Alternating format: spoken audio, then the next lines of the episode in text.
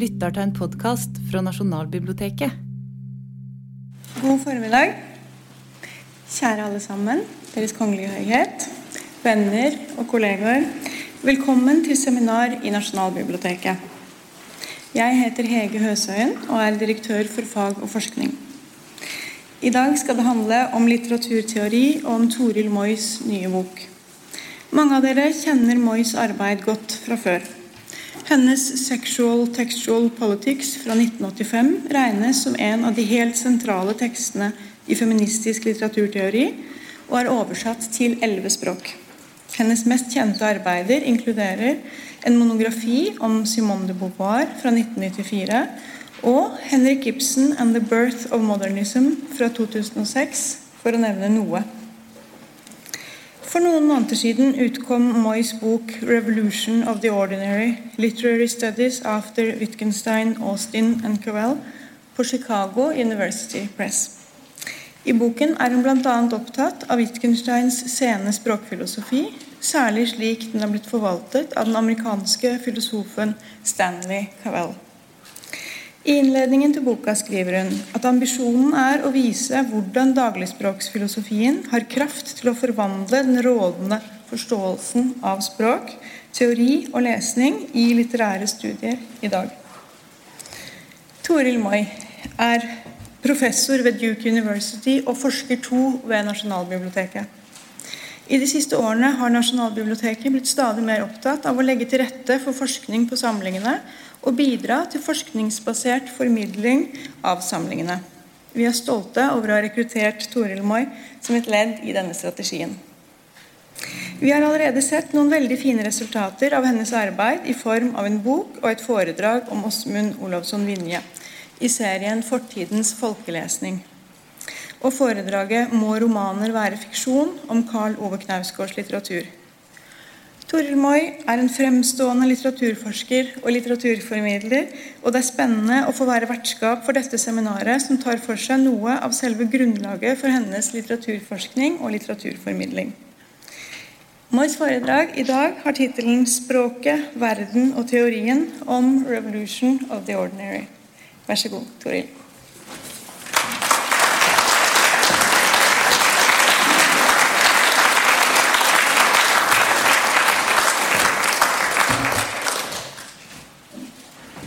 Ja, eh, det er en utrolig vanskelig oppgave å prøve å si noe om en bok. Denne, 'Revolution of the Ordinary', dette er altså reklamen, ikke sant? Um, som tok meg veldig mange år å skrive. Jeg skrev jo andre ting mens jeg holdt på med den, men egentlig så det har iallfall tatt en 28 år, og tankene går tilbake minst 20 år. Så hvordan skal jeg klare på 45 minutter å si noe fornuftig om dette? Men jeg skal nå prøve likevel. Um, dette foredraget er nyskrevet, men alt jeg sier her, blir selvsagt også sagt i boka, men på en annen måte og på et annet språk. En innledende definisjon for Når jeg sier dagligspråkfilosofi, ordinary language philosophy, så mener jeg tradisjonen etter Ludvig Wittgenstein og J.L. Austin, slik Stanley Cavell har formidlet og utviklet den. Det sier jeg fordi det finnes en del andre måter å bruke det ordet på som har med Oxford-filosofi på 50-tallet å gjøre, og gjenopplivningen av den, men det er ikke det jeg mener. Når jeg sier Wittgenstein i dette foredraget, så mener jeg den sene Wittgenstein, og altså ikke Traktatus. Det er bare sånn innledende. Og så skal jeg si ett ord om å lese Wittgenstein. En trenger ikke ha lest mye filosofi for å kaste seg over Wittgenstein. En trenger, eh, Wittgenstein selv hadde sannsynligvis lest veldig lite filosofi. Iallfall før han plutselig ble professor i det i Cambridge. Um, men en må være tålmodig og åpen for teksten. Og på handoutet som jeg har laget, som jeg håper jeg finner her Um, på handout så har dere en del sitater fra Wittgenstein. Jeg har kuttet foredraget mitt litt, sånn at det, jeg bruker ikke absolutt alle sitatene, men dere får en, dere som kanskje ikke har eh, sittet og kastet dere over Wittgenstein ennå, dere kan få litt innblikk i språkformen hans, i hvert fall. Um, det er noe med å være tålmodig og åpne seg for, for uh, språket og teksten. Og forsøke å se For meg så åpnet Wittgenstein seg når jeg endelig altså Problemet er han skriver en paragraf, men du skjønner ikke hvorfor han skriver den. Det bare står der. Og så tenker du ja, hvorfor ville han si det? Her, nå. Men det er faktisk poenget, hvis du må liksom tenke det sjøl. Han skriver i innledningen at 'jeg har ikke skrevet denne boken for å spare noen, eh, noe arbeid'. Du må arbeide sjøl, mener Wittgenstein. Alright, så Det var innledningen. Nå skal, så har dere på handoutet oversikten over foredraget, bortsett fra at jeg forandret den litt. Men altså det er bare sånn disposisjonen. Så Det begynner med vitser og fellesskap. Altså Drosjeselskapet Uber har som kjent hatt problemer.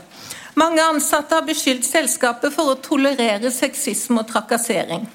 Tirsdag den 13. juni i år hadde Uber styremøte for å ta opp nettopp det problemet. Der forklarte styremedlemmet Ariana Huffington at siden styret nå hadde en ny kvinne, så hadde kvinneandelen i styret økt fra 14% til 25% Det finnes mye data som viser at når en har et kvinnelig styremedlem, så er det mer sannsynlig at en også vil få en kvinne til, sa hun. Da ble hun avbrutt av et annet styremedlem, David Bonderman. Saken er at det data viser, er at det er mer sannsynlig at en også vil få veldig mye mer prat, sa han. Um, ingen lo. Ramaskrik fulgte. Avisoppslagene var entydige. Bonderman hadde fortalt en sexistisk vits. Dagen etter gikk han ut av styret til Uber for å skape ro, som han sa. Jeg synes selvsagt ikke at denne såkalte vitsen er god. Men jeg klarte altså ikke å finne en bedre sexistisk vits. Og dessuten så var det veldig demoraliserende å drive og søke på nettet under søkingen 'sexist jokes', så jeg sluttet med det så snart jeg kunne. I våre dager tror jeg de fleste vil synes replikken hans var ganske platt. Men det er ikke så lenge siden at det var rutinemessig å fortelle en feminist som ikke lo av sexistiske vitser, at hun ikke hadde humoristisk sans. Så hva skjer når du forteller en vits eller sier noe du tror er morsomt, og jeg ikke ler? Det er kanskje ingen katastrofe. Kanskje du fortalte vitsen for å være vrang. Du visste at jeg ikke ville like den. Du ønsket å sette inn et lite stikk. I så fall viser min manglende latter at vi forstår hverandre perfekt. Men det kan også være at du fortalte den fordi du genuint syntes den var morsom, og nå oppdager du at det gjør ikke jeg. Her oppstår det en kløft mellom oss. Kanskje en liten kløft, kanskje den er forbigående, men her blir det klart for et øyeblikk at vi ikke helt deler samme verden. Men hva betyr det å ikke dele samme verden? Når vi lærer å snakke, lærer vi å svare på, reagere på, gi tilsvar til andre menneskers ord. Vi lærer ikke bare ordet kjærlighet, f.eks., men hvordan de, de menneskene vi snakker med, bruker ordet kjærlighet, og, venter, og hvordan de venter at vi skal reagere på det. Å lære språket er å lære å dele med andre det Cavell kaller retninger for interesser og følelser, typer av respons, former for humoristisk sans, og forståelsen for hva som er betydningsfullt og hva som er givende. Vi lærer språket og verden sammen. De to er innflettet i hverandre. Men dermed lærer vi også selvsagt å kjenne igjen de øyeblikkene der samstemtheten forsvinner. En vits som faller til jorden, er et slikt øyeblikk. Språket er et tynt nett over avgrunnen, skriver Cavell. Vi lærer oss fellesskap, samfunn med andre, når vi lærer oss språket. Og Det betyr at vi også lærer hva som truer med å bryte fellesskapet. Jeg skrev 'Revolution of the Ordinary' fordi jeg ville gjøre dagligspråkfilosofien tilgjengelig for litteraturvitere og andre interesserte. Og fordi jeg ville begynne arbeidet med å vise hvordan dette synet på språk og filosofi, eller teori altså I litteraturvitenskapen så sier vi stort sett teori, men Wittgenstein er jo filosof. Så for meg i dette foredraget så drar jeg ikke noe skille der. Men det, det, det, det finnes sammenhenger der det er viktig å skille mellom dem, men ikke her, tenker jeg. Um, Altså, Jeg ville vi, vise da hvordan dette synet på språk og filosofi eller teori får oss til å se på gamle problemer på en ny måte. Målet er slett ikke å sette opp en ny mal eller komme med en ny metode for hvordan vi må lese litteratur. Jeg har ingen lange litteraturlesninger med i boka, selv om jeg elsker å skrive litterære analyser. Nettopp fordi jeg ikke har noe ønske om å lage noe som uvegerlig i en bok ville bli oppfattet som en mønsterlesning som andre skal etterligne. Tvert imot, få ting irriterer meg mer enn de stadig nye forsøkene på å bruke en eller annen gitt teori på litteraturen. Jeg føler at det er å begynne i feil ende. Selv om stadig flere litteraturvitere nå begynner å bli interessert i dagligspråkfilosofien, så finnes det faktisk ingen bok eh, før denne som vi, forsøker å vise hvor relevant den er for folk som er opptatt av eh, litteratur.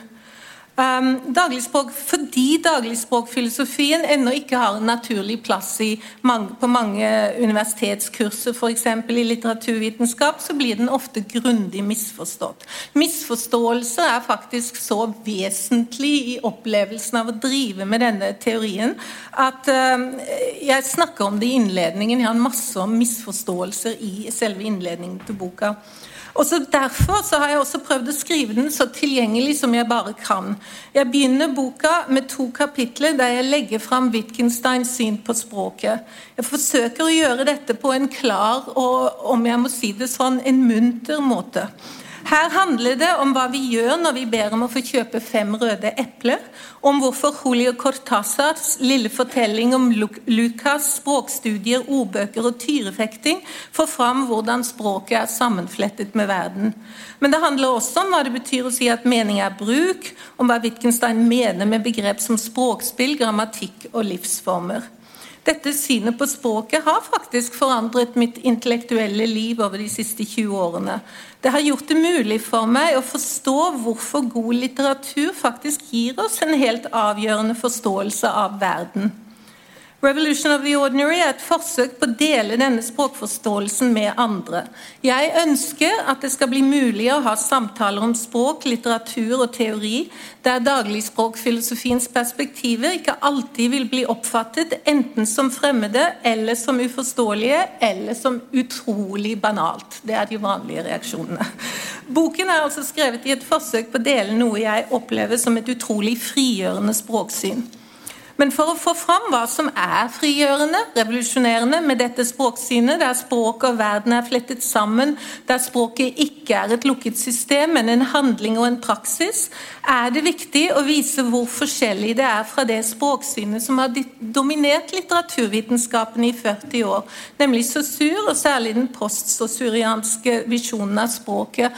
Altså Grunnen til at jeg gjør det, er at det er umulig å forstå hva Wittgenstein og Cavell holder på med om en leser det gjennom brillene som er lagt av den postsosurianske retningen. For da vil, han, da, vil, da vil, man ta en del ting på en måte som, som faktisk er en misforståelse.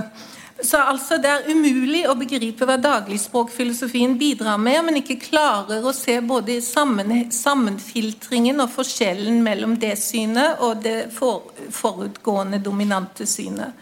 Jeg tror de fleste er enig i at det sosurske eller postsosyrske synet var absolutt dominerende i litteraturvitenskapen i mange år. Jeg tror også at de fleste er enig i at en gang på 1990-tallet, altså ganske lenge siden, 20-25 år siden, så begynte mange teoretikere å bli leie av den såkalte språklige vendingen.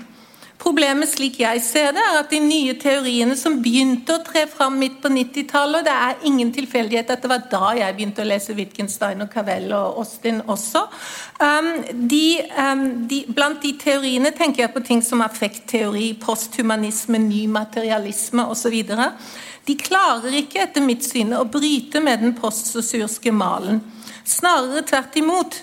De blir sittende fast i den selv når de fornekter den, eller bedre, selve, type, selve måten de fornekter den på, viser at de ikke klarer å tenke utenfor de rammene som Saussure og hans etterfølgere, særlig i Frankrike på 50- og 60-tallet, la for forståelsen av språket. For eksempel, et veldig åpenbart eksempel er troen i mange av disse nye teoriene på at en må kvitte seg med subjektet, at vi ikke kan snakke om dømmekraften, at vi ikke kan snakke om, at, om det talende subjektet fordi at da faller vi tilbake f.eks. i gammeldags humanisme.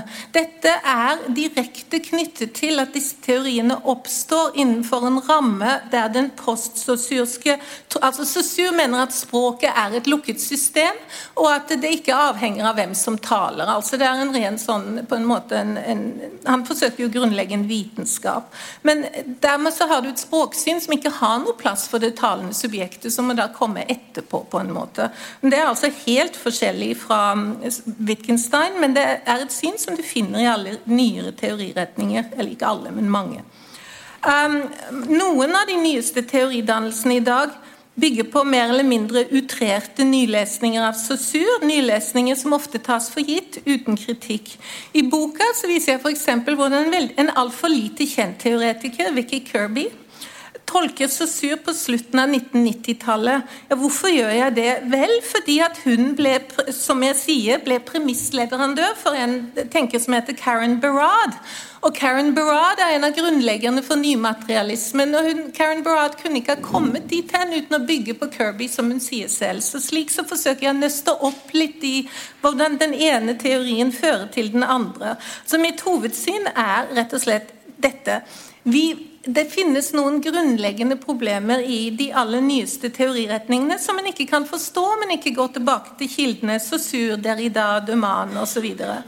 Jeg ønsker å legge fram det grunnleggende bildet av språket som fremdeles er virksomt i mye av dagens teori. Virksomt, men ofte fortiet.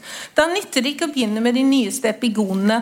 Det blir som å forsøke å kritisere psykoanalysen uten å lese Freud, eller marxismen uten å lese Marx. I den grad dette språkbildet sperrer for forståelsen av dagligspråkfilosofien, så er det vesentlig å forsøke å få fram forskjellene mellom dem. Men merk her at jeg sier forskjellene.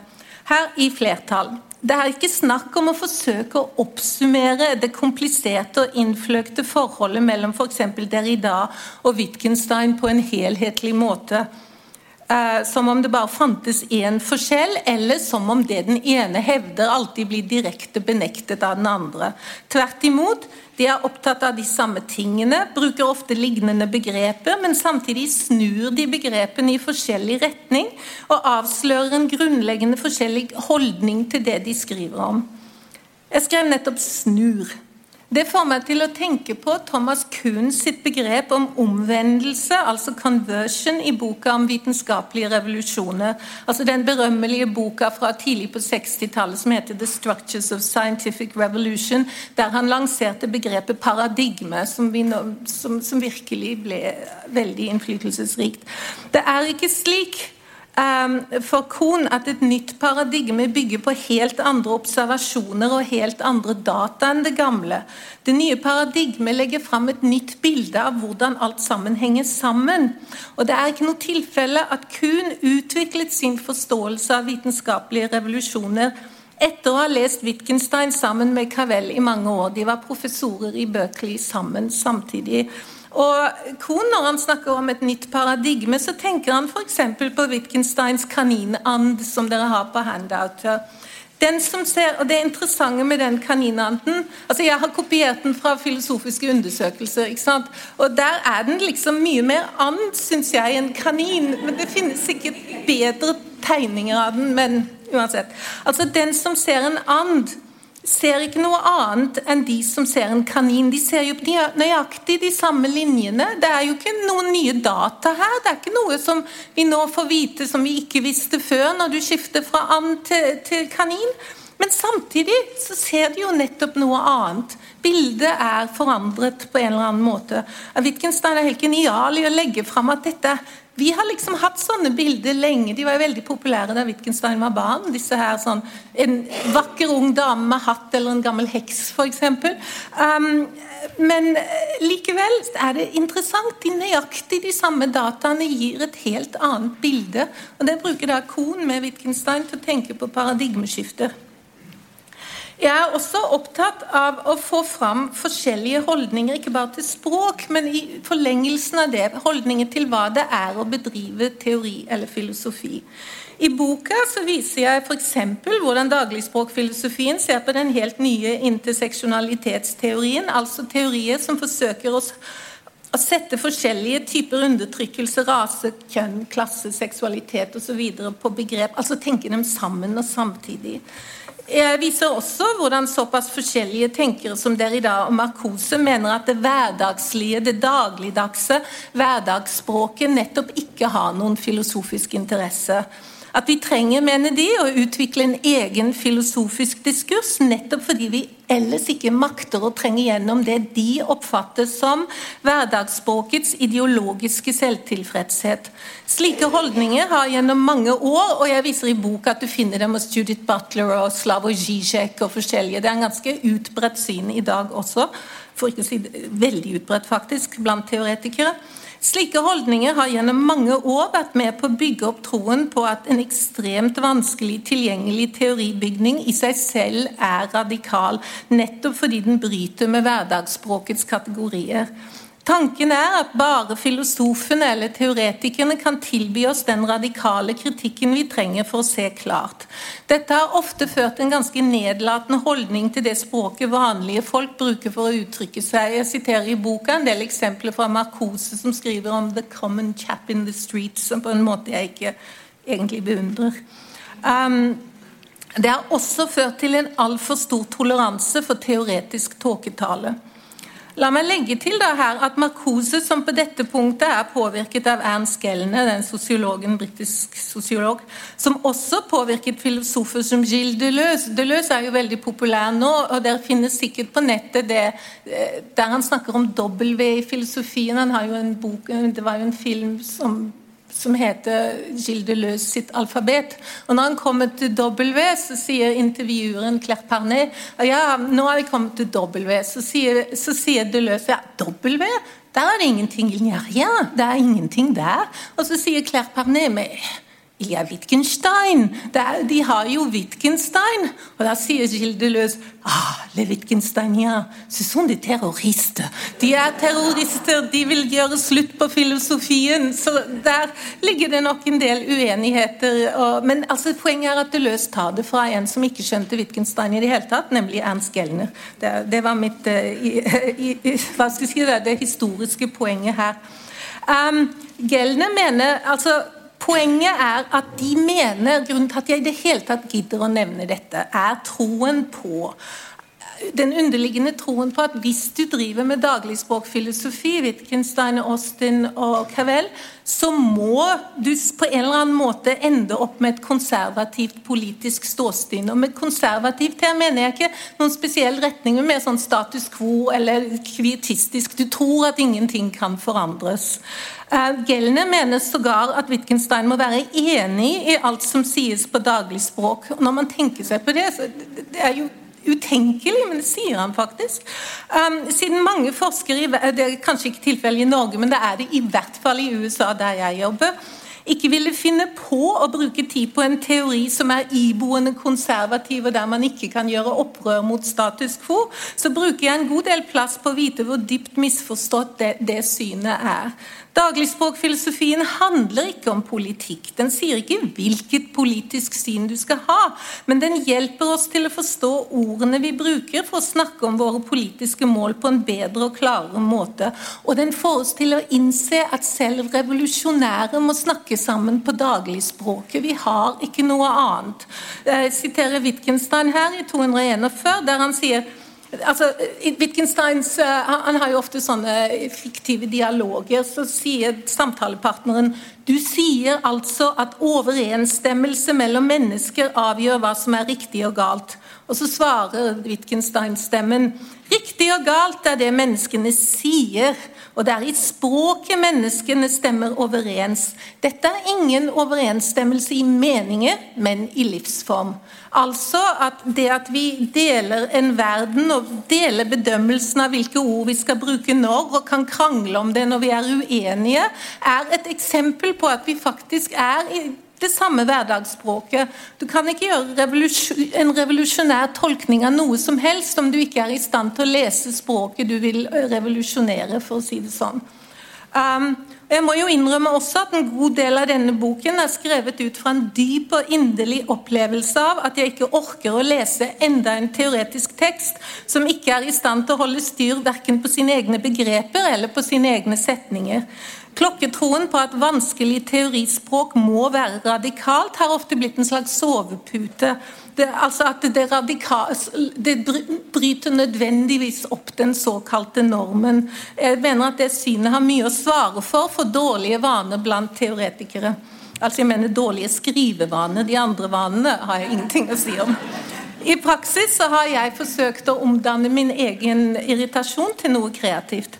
På den ene siden så har den fått meg til å skrive 'Revolution of the Ordinary'. Og på den annen side så har den fått meg til å utvikle et doktorgradskurs ved Duke som heter 'Writing is thinking', å skrive er å tenke.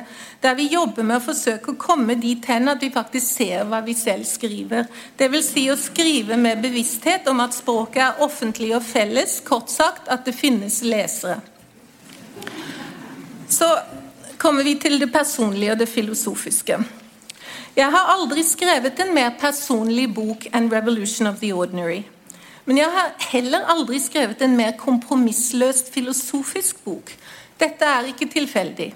Når Wittgenstein skal forsøke å definere hva filosofi er, skriver han et filosofisk problem har formen 'jeg kan ikke orientere meg'. Det er nederst på, på sida. 123. Der står jeg uten kart og kompass og uten retningssans. Med andre ord, jeg er forvirret. Hvordan har jeg havnet i dette villnisset? Et eller annet har slått feil. Det er noe jeg ikke forstår. Et spørsmål vil ikke la meg være i fred. Det gnager og gnager, men jeg kommer ingen vei. Et bilde og det, Nå er vi vel på side to i handout, eller på baksiden. Et bilde holdt oss fanget. Og vi slapp ikke ut av det, for det lå i språket vårt, og det virket som om språket bare gjentok det for oss ubønnhørlig. Hver gang jeg forsøker å klargjøre dette problemet for meg selv, hvorfor jeg føler jeg står fast, står i skorfesta, som moren min alltid sa, så blir, jeg, så blir jeg stående fast. Det er som jeg står og stanger mot en vegg. Bokstavelig talt. Wittgenstein skriver at vi får kuler i forstanden som kuler i pannen. ikke sant? Men kuler i forstanden av å renne hodet mot språkets grense, sier han. Det blir ikke filosofi selvsagt av forvirring alene. Jeg må også være villig til å innrømme at jeg har gått meg vill. Det filosofiske arbeidet oppstår når denne selvinnsikten skaper et genuint ønske om å finne veien ut av villnisset og komme fram til det Wittgenstein kaller en oversiktlig fremstilling. Den oversiktlige fremstillingen sier han, er en beskrivelse og ingen forklaring. Det der med beskrivelse og forklaring kunne vi fortsette om i ca. de neste tre timene, men jeg skal ikke si et ord mer om det. Um, den oversiktlige framstillingen er så å si kartet over terrenget der jeg gikk meg vill. Når jeg er i stand til å tegne opp kartet, kan jeg også finne veien. Merk hvordan Wittgenstein kombinerer det personlige og det filosofiske her. Filosofien begynner når jeg, personen som tenker, opplever at jeg har gått meg intellektuelt vill og er villig til å innrømme det. Men det er ikke nok. Altså, Hvis jeg ikke innrømmer at jeg har gått meg vill, så vil jeg jo ikke innrømme at jeg trenger noe kart, og da vil jeg bare stå der jeg står, eller noe sånt. Men um, filosofien begynner når jeg innrømmer at jeg har gått meg vill, opplever det som plagsomt, men det er ikke nok. Det filosofiske arbeidet består i å komme fram til en klar beskrivelse av det intellektuelle terrenget jeg ikke klarer å orientere meg i. Men det kan, det kan være nesten usannsynlig vanskelig. Nettopp fordi jeg jo fremdeles sitter fanget i det gamle bildet. Jeg finner jo ikke veien. Det er jo derfor det er så vanskelig. Men eh, om jeg klarer det, så har jeg forandret meg. Det filosofiske arbeidet er et personlig arbeid. Den som tenker, arbeider like mye med seg selv som med gjenstanden for tenkningen. Det er derfor dagligspråkfilosofien etter Wittgenstein har et så sterkt eksistensielt og etisk preg også. Denne sammenfletningen av man skal si det er en autentisk selvinspisering og ønske om å se klart. Det er helt karakteristisk for dette, dette synet. Og Det er derfor at denne filosofien helt sikkert forandrer liv. Når, for noen, når du plutselig ser det, så ser du ikke det samme lenger. Det er kaninanden som virkelig har slått til der.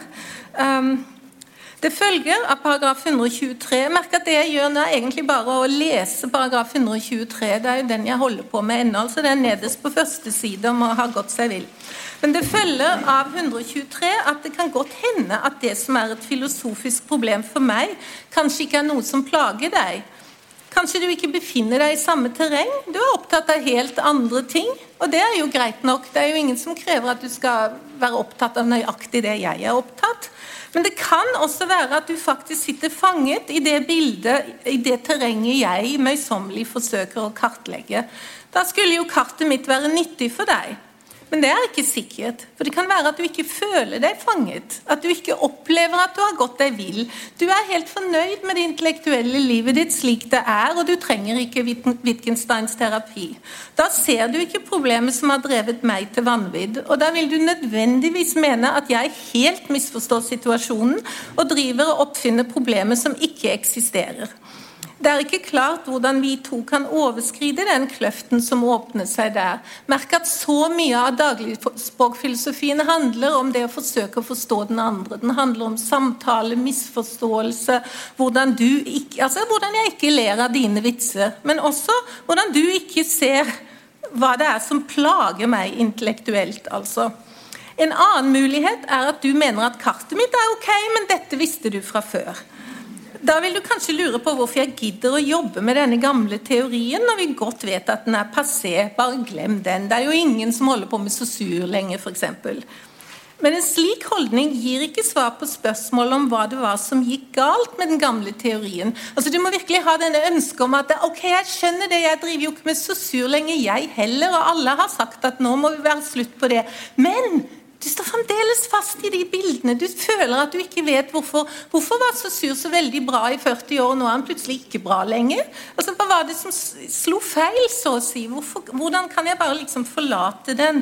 Det er, det, jeg tror at uh, grunnen til at jeg jobber med dette, da, er jo at den, om vi bare sånn forlater gamle teorier, omtrent som vi kaster ut gamle plagg, så lever på en måte teoriens grunnleggende antakelse gjerne videre i senere teori, uten at de da blir gjenkjent eller diskutert. Så arbeidet med å få fram bildet som holdt oss fanget, er eh, et vesentlig bidrag til la oss si da, den intellektuelle historien, om, det, om, du, om du vil si det sånn.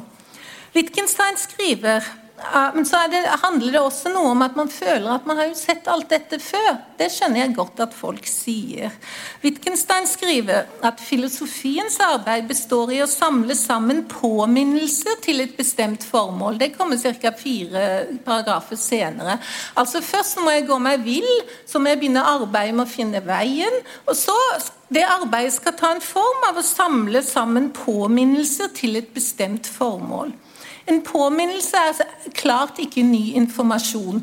Du minner noe om noe du kanskje har glemt. Altså et eller annet, Du vet det godt, men du har liksom ikke hatt det for deg på den rette tiden eller på den rette måten. Påminnelse gir oss slett ikke det Wittgenstein kaller uhørte innsikter. I 133 så sier han jo til begynnelsen vi ønsker ikke på noen uhørt måte å forfine eller fullstendiggjøre systemet av regler for anvendelse av ordene våre. Altså, Det er ikke snakk om her å komme fram til noe uhørt nytt. Det er et forsøk på å finne det bildet som gir oss mulighet til å gå videre, for å si det sånn. Om formålet med å samle påminnelsene er klart nok, kan de få oss til å åpne øynene til plutselig å se problemene vi strevde med, på en ny måte. Se terrenget slik at det, det gamle der, Jeg gikk meg helt vill på et visst sted, og nå ser det stedet helt klart ut for meg. Det er ikke noe problem der lenger. Men det finnes selvsagt Unnskyld. Det finnes selvsagt ingen garanti for at det jeg oppfatter som et plagsomt intellektuelt problem, faktisk er et viktig spørsmål.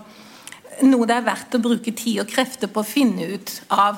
Det er jo den risikoen en tar. Alle som skriver, vet jo det. En må jo velge, altså en må tørre å si det en syns er viktig. Og det går ikke an å lete etter en slags objektiv bekreftelse for at dette er viktig å jobbe med.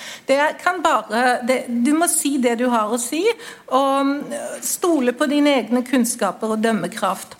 Når jeg legger fram resultatene mine, kartet jeg har brukt så lang tid på å skape, risikerer jeg derfor å bli avvist. Avvisningen din beviser ikke nødvendigvis at jeg tar feil. fordi Du kan avvise meg fordi det er jo bare ikke ditt felt, du er ikke opptatt av dette her. Men du kan jo ikke vite om kartet er nyttig om du ikke forsøker å gå i det terrenget. så det du, Å ikke ville høre er ikke det samme som å bevise at du tar feil. Den, men avvisningen din beviser heller ikke at jeg har rett, selvsagt.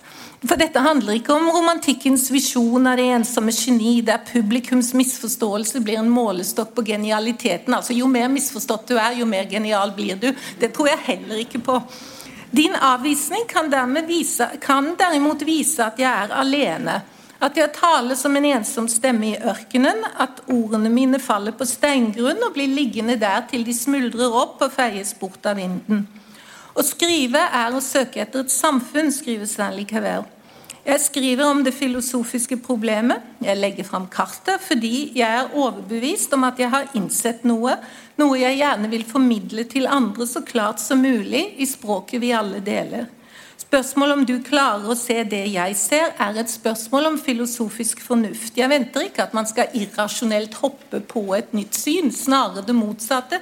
Jeg driver med en enorm anstrengelse for å legge fram klart det gamle synet og det nye synet. Men spørsmålet om fornuft er også og samtidig et spørsmål om samfunn. Altså det vi oppfatter som rasjonelt, avhenger av den livsformen vi lever i, osv. I de mest ekstreme tilfellene av manglende forståelse vil du oppfatte det jeg syns er fornuftig, som den rene galskap. Da har vi havnet et sted der ordene er over og vi ikke lenger kan forstå hverandre. Vi er ikke lenger i samfunn med hverandre. Om jeg tier, vil jeg kunne la være å utsette meg selv for en så ubehagelig opplevelse. Men om jeg tier, vil jeg heller aldri oppdage om det faktisk kan finnes et samfunn som inkluderer meg.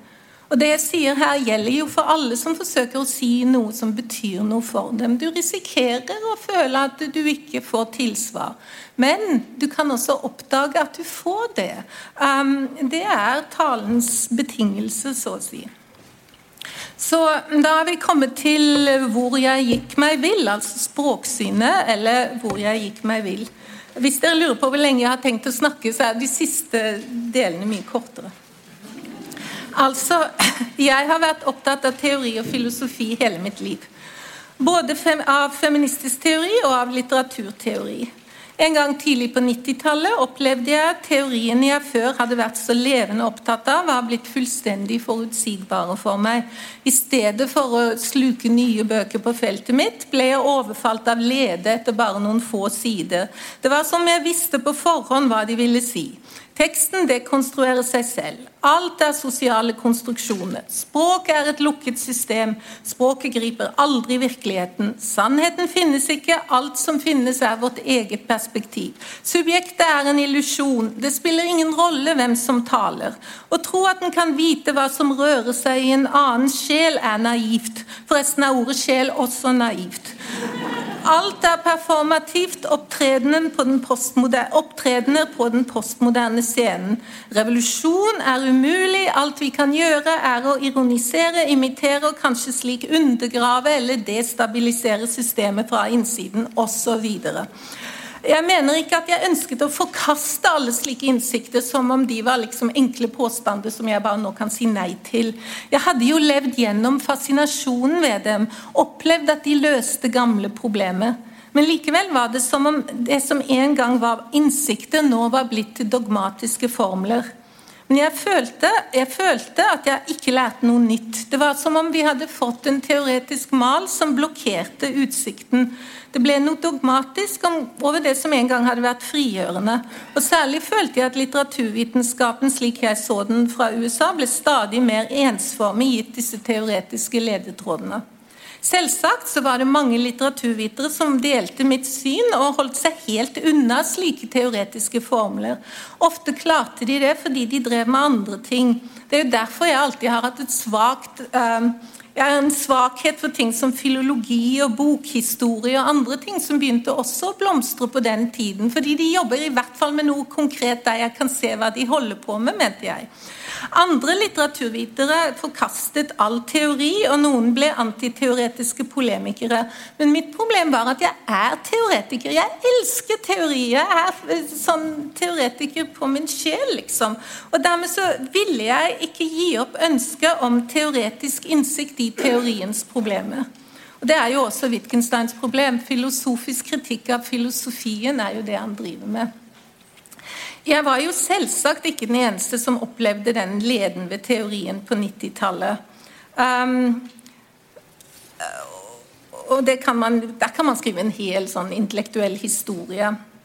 Men det jeg gjør i boka mi, er selvsagt ikke å diskutere alle former for teori eh, som førte fram til 90-tallet og blomstret ut av den.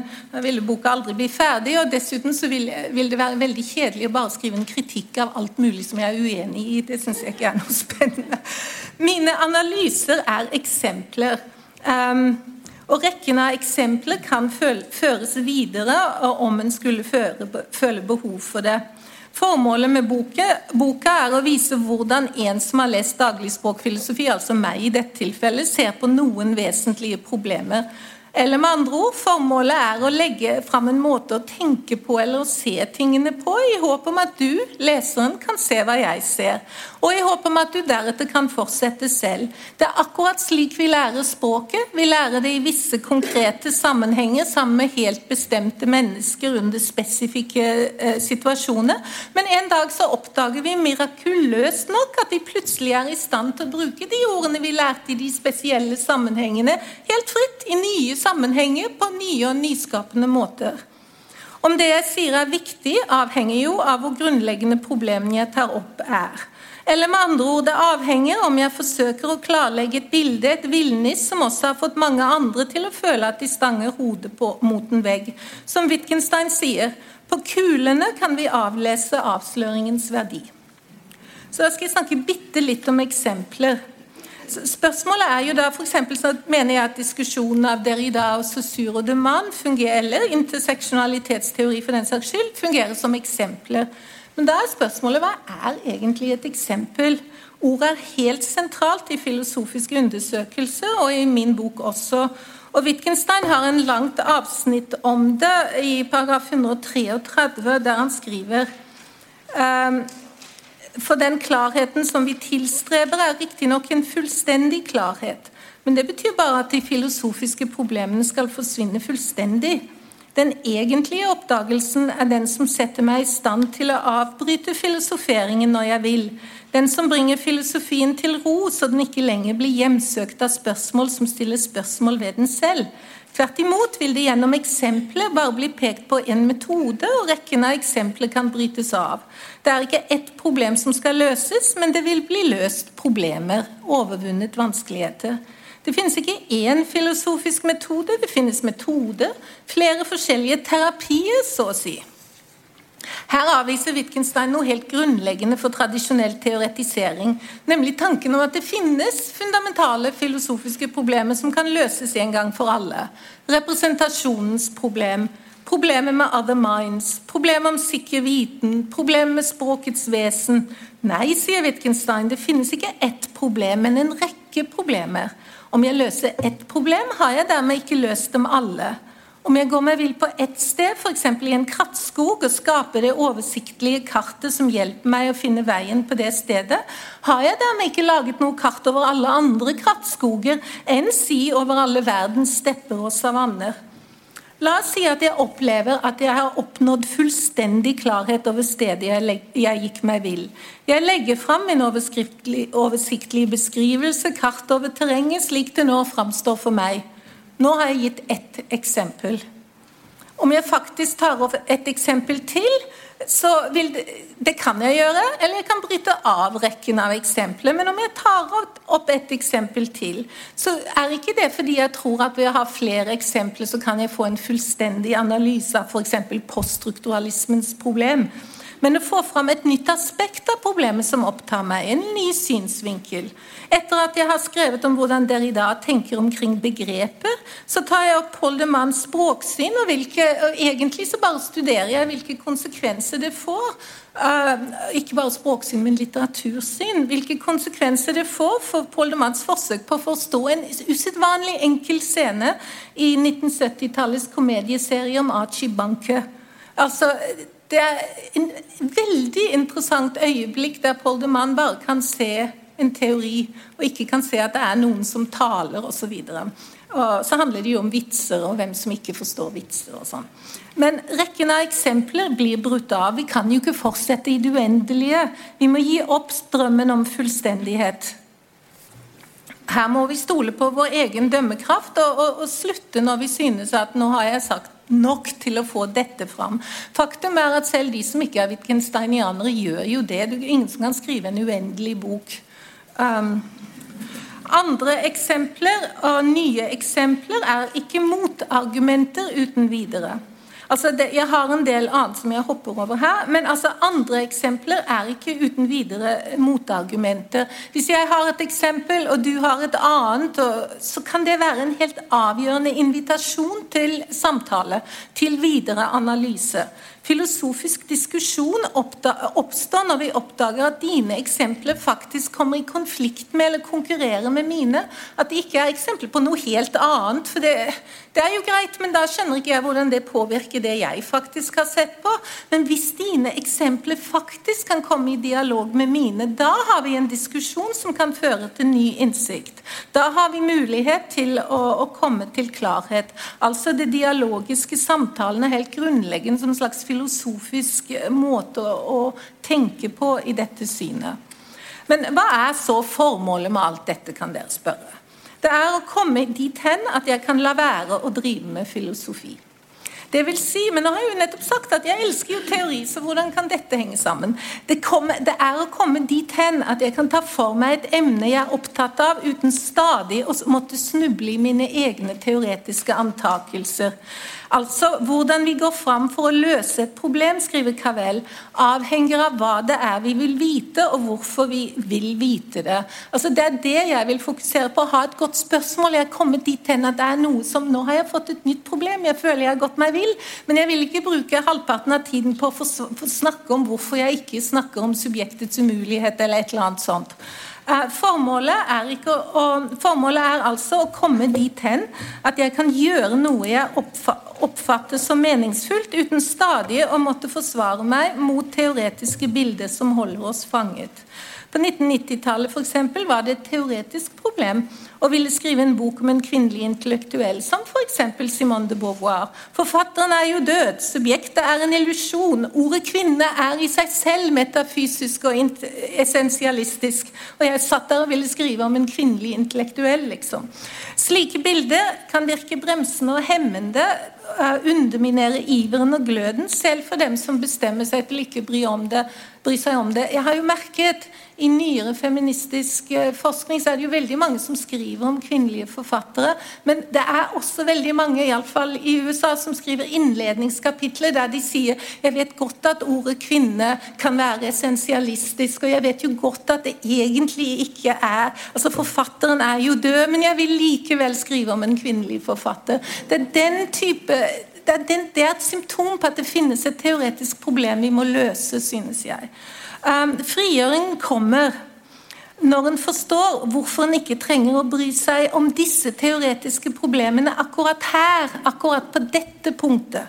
Det er det jeg mener når jeg sier at problemet for teoretikere er å klare å finne den rette plassen for teorien.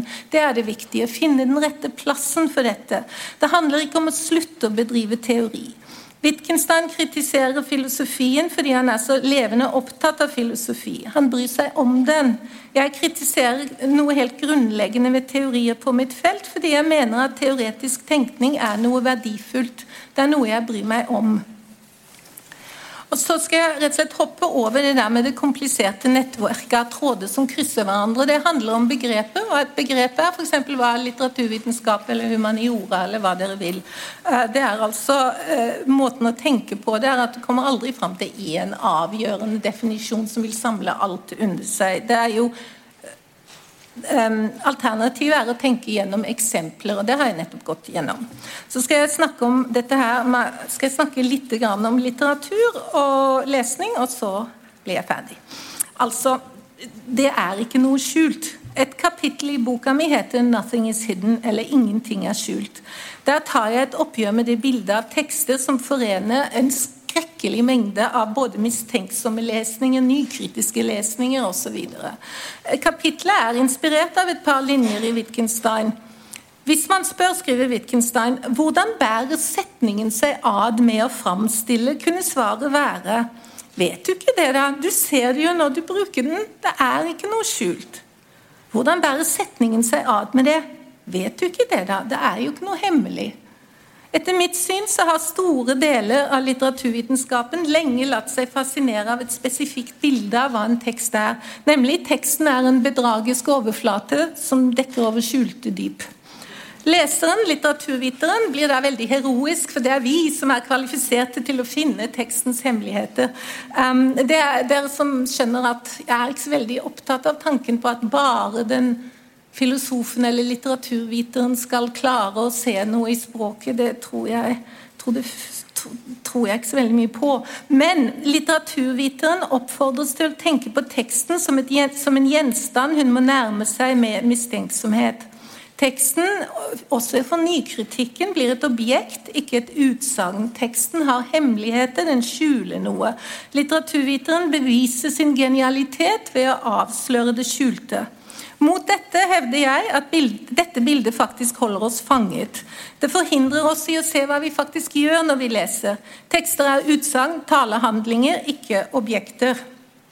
Vi nærmer oss ikke språket, eller vi er midt i det. Det går ikke an å nærme seg en tekst, unntatt om du tenker på den som virkelig som et slags estetisk objekt som du er utenfor. Men vi er midt i det språket teksten holder på med. Vi lever i det språket, og, språket og verden er sammenflettet. Wittgensteins 'det er jo ikke noe skjult' minner oss om at setningen, språkbruken, ikke skjuler noe. Vanskelig, men det betyr selvsagt ikke at alle setninger eller alle bøker er enkle og greie å forstå, eller du ikke har lov til å kalle noe dypt lenger. Det betyr bare det at de vanskene vi har problemer med altså Det som er vanskelig, f.eks. å lese Wittgenstein, det er jo ikke noe skjult. Vanskene ligger rett foran oss i de ordene som er der på siden. Og nå får vi uh, jobbe med dem. Men hvorfor trenger vi et bilde av dette som en symptomatisk overflate på skjulte ideologier osv.? Det er jo noe helt annet.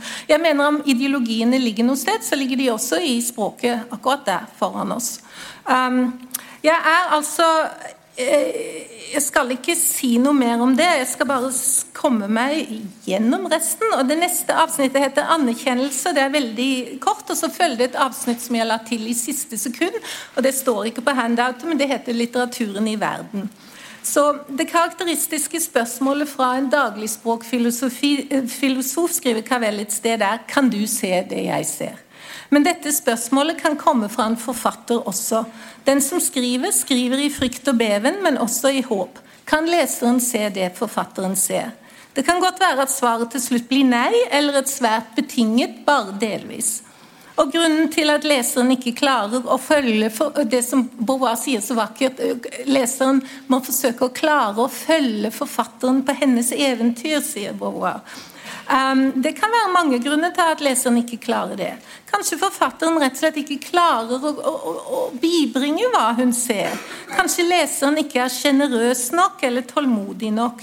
Jeg tar ordet sjenerøsitet fra Beauvoir. Som, fordi, jeg liker det fordi det står i kontrast med myten om leserens nødvendige mistenksomhet. Å være en sjenerøs leser er å ha en annen holdning enn å være en mistenksom leser. Men en god leser skylder forfatteren et forsøk på å se hva forfatteren ser. Dette forsøket på å se hva forfatteren ser, kaller jeg 'acknowledgement', som jeg etter mye om og men har kommet fram til må oversettes til anerkjennelse på norsk. Men merk at det ikke er det samme som 'recognition', som også oversettes med anerkjennelse. Og Dette skriver jeg ganske mye om i boka, og jeg skal ikke gå dypt inn på det her. Men jeg vil bare si altså at anerkjennelse på, i den engelske forstanden her betyr ikke, som ordet anerkjennelse gjør på norsk av og til, at den uttrykker en positiv vurdering. Vi sier jo 'hun nikket anerkjennende'. Men å anerkjenne hva du holder på med, kan være å se at jeg ser i teksten din at det ligger rasisme og fascisme og gudene vet hva. Men det er også å forstå dine anliggende. Så det ligger ikke her at man må liksom elske alt en leser. Å forstå en tekst kan jo være å, å se den klart på både godt og men også på vondt. ikke sant? Um, så til slutt, da. Verden og språket er vevet sammen. Å lære et språk er å lære en livsform. Å finne de rette ordene er både å vise hva en ser, og hvordan en ser på det en ser. Ordene er uttrykk og handling. De uttrykker vår oppmerksomhet. De viser hvor gode vi er til å se på verden. Dette handler altså ikke bare om litteratur. Det handler om hva som helst vi har lyst til å snakke om. F.eks. tyrefekting, som jeg har som eksempel i boka. Eller en bilmekaniker ser på motoren i bilen min på en helt annen måte enn jeg klarer å gjøre. Hun har ord for de kablene og boksene og kveilene som nærmest skremmer meg. Jeg åpner panseret og ser og tenker dette overgår min forstand, tenker jeg. Men det er jo fordi min forstand er knyttet sammen med mine ord. Hun har ord for dem. Um, ser, jeg ser et uforståelig kaos, hun ser konkrete motordeler. En skarpere bevissthet om ord, skriver J.L. Austin, er en skarpere bevissthet om virkeligheten. I den grad gode forfattere er spesialister i ord, og derfor har en skarp bevissthet om ord. Merk at jeg sier gode forfattere. Det er jo klart at dette handler ikke om å forsøke å altså Det finnes gode og dårlige forfattere, det finnes god litteratur og dårlig litteratur, og det er jo noe vi må se på. Men altså de beste forfatterne har en skarp bevissthet om ord, og dermed har de også ut fra dette synet en skarp bevissthet om virkeligheten. På ordene deres kjenner vi dem, og på ordene deres kjenner vi verden. De beste forfatterne har evnen til å skape en verden i ord. Det krever oppmerksomhet, iakttagelsesevne, enorm språksans, men det krever også fantasi. Altså Dette handler ikke om at alt skal være realistisk. Um, når Knausgård skriver om en dag i sitt liv da han var tenåring, skriver han ikke på diktat fra en sånn fotografisk hukommelse, eller iallfall så tror ikke jeg det. Han minnes, han drømmer, han tenker, slik at han til slutt kan mane fram, skape eller gjenskape den dagen dagen i ord. Når vi finner den rette boka, den som taler til oss, åpner den øynene våre. Sånn er det, tenker vi. Forfatteren fant ordene de vi nesten følte vi trengte, men vi hadde dem ikke helt. Forfatteren fant dem. Hun viste oss hva hun så, og hvordan hun så på det. Hun utvidet vår verden. Det jeg sier nå, gjelder ikke, selvsagt ikke bare fiksjonslitteratur, eller det vi i gamle dager kalte skjønnlitteratur, eller kanskje fremdeles. Det gjelder all god skriving. For meg eksempel, var den norske utgaven av Simone de Beauvoirs 'Det annet kjønn' en slik bok. Jeg leste den da jeg var 15, like etter revolusjonsåret 1968. Jeg er et levende bevis på at den rette boka til rett tid virkelig kan forandre liv. Tusen takk.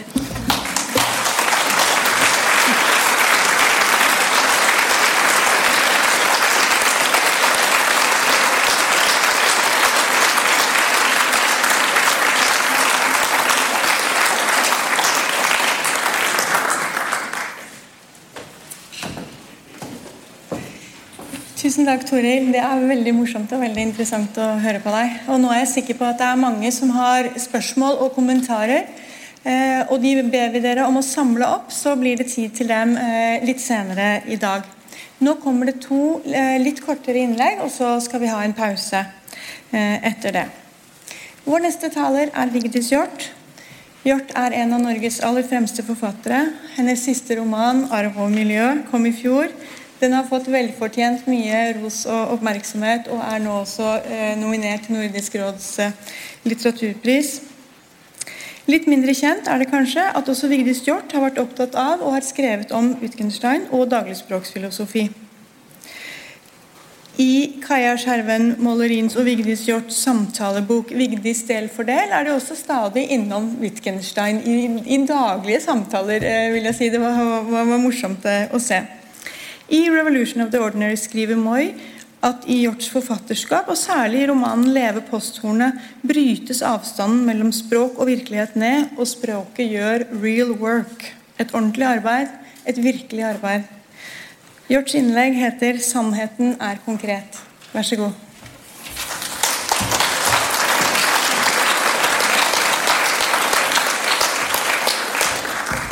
Hei, hei. Jeg skal være personlig og hverdagslig og litt revolusjonær. I Toril Moys ånd, og jeg skal bruke eksempler. Da jeg var yngre, så leste jeg romaner for å forsvinne fra meg selv. Hvile fra og glemme meg selv. Siden leste jeg også filosofi og litteraturteori som jeg leste romaner. Selv om filosofien ikke aktiverte mitt følelsesliv som romanlesningen, men mitt intellekt, bidro lesningen til den ønskede selvforglemmelse og ga meg i tillegg følelsen av beherskelse når jeg syntes jeg forsto de vanskeligste resonnementer. Men gleden var kortvarig. Idet jeg lukket boka, kunne den etterlate meg i et slags bakrus når jeg gikk ut i verden for å utføre de mange hverdagslige gjøremål. Og hvis jeg da, på min ferd nedover Kirkeveien, prøvde å gjenskape de filosofiske resonnementer fra den nye franske filosofen, som jeg hadde opplevd like før som øyenåpnende og avgjørende, var jeg ikke i stand til det, selv ikke under den største konsentrasjon. Og verden så ut som før jeg satte meg inn i hans resonnementer. Menneskene som før, og jeg selv sørgelig lik meg selv som før. Men selvforglemmelsen oppnådde jeg i hvert fall. Men etter hvert som jeg ble eldre, begynte jeg å lese annerledes. Ikke for selvforglemmelsens skyld, men i et håp om å lære noe, forstå meg selv bedre. Og ikke bare fordi jeg syntes jeg var et så spennende studieobjekt, selv om jeg innrømmer at jeg av og til var litt fascinert, så var det ønsket om å leve bedre med meg selv. For, for å kunne leve bedre med andre og kanskje bli et nyttigere samfunnsmenneske. Som dere forstår, har jeg alltid hatt store forventninger til de tekster humaniora kan levere. Eller for å si det med Ludvig Wittgenstein, som jeg først og fremst har blitt kjent med via Moys bok, noe jeg skal komme tilbake til, som har sagt at han i møte med en utfordring heller ville ta den hvis han hører 'Gjør du det ikke, kaster du bort ditt liv', enn 'Gjør du det ikke, får du en fryktelig straff'. Det sto ikke på viljen min, som dere forstår. Og likevel skjedde det stadig oftere at jeg satt igjen med en tomhet når lesningens fryd var over. Det skjedde, begynte til og med å skje i møte med min høyst elskede Søren Kirkegård. Ikke underlesningen, den er alltid fylt med den aller største tenkelige fryd. Men da jeg lukket frykt og beven, lå jeg liksom igjen tom og forvirret på Kirkegårds strand. Som vrakgods, føltes det. Hvor skulle det ende? Men så var det en dag for ikke mange år siden, en torsdag. Jeg satt i bilen på vei til Soli bruk og hørte på filosofiens historie av Trond Berg Eriksen på lydbok. Og da jeg var kommet til bensinstasjonen mellom Rygge og Råde, var Berg Eriksen kommet til det 19. århundre og Wittgenstein, og siterte ham på noe sånt. Selv om vi løste alle den tradisjonelle filosofiens spørsmål, har vi likevel ikke berørt våre livsproblemer. Nettopp! Jeg rygget tilbake til Råde bibliotek for å låne hva som helst av Wittgenstein. Men de hadde ikke noe som helst av Wittgenstein. Men dagen etter fant jeg bibliotekaren på Asker bibliotek filosofiske undersøkelser dypt nede i magasinet. Og jeg satte meg ned med frykt og beven. Men må innrømme at jeg ikke sånn ved første øyekast syntes Wittgensteins paragrafer berørte mine livsproblemer, som var ganske formidable på den tiden. Men så fikk jeg altså Toril Moys 'Revolution of the Ordinary' i fanget. Og det åpnet seg noe i meg. Wittgensteins tankeunivers åpnet seg for meg. Og samtidig som det åpnet seg for meg, ble gapet mellom liv og filosofi liksom fylt igjen i meg. Åpnet opp eller fylt igjen. Det kommer an på øynene som ser, og hvor du ser det fra. En and eller en kanin. Hvis jeg kort skal oppsummere hva Toril Moys bok handler om, slik jeg leser den, på min helt egen subjektive måte, fordi det likevel ikke er mulig å lese på annen måte, men med et oppmerksomt blikk som hun oppfordret meg til å lese med, og som jeg kan velge å lese med et uhyre oppmerksomt blikk, for forhåpentligvis å få innsyn i noe det ante meg at kunne være av, av avgjørende betydning i mitt liv. Så nøden var jeg. Så er det altså en bok som argumenterer for at jeg også bør lese andre tekster med det samme oppmerksomme blikket. Lese verden, og særlig andre mennesker, med et anerkjennende, oppmerksomt blikk. Med utgangspunkt i Wittgenstein, som hevder at vi ikke trenger mer kunnskap, med ny forståelse av den vi allerede har. Han sammenligner filosofi med det å rydde opp i et jævla roterom. Men da skal du løfte opp hver ting og se på den to ganger.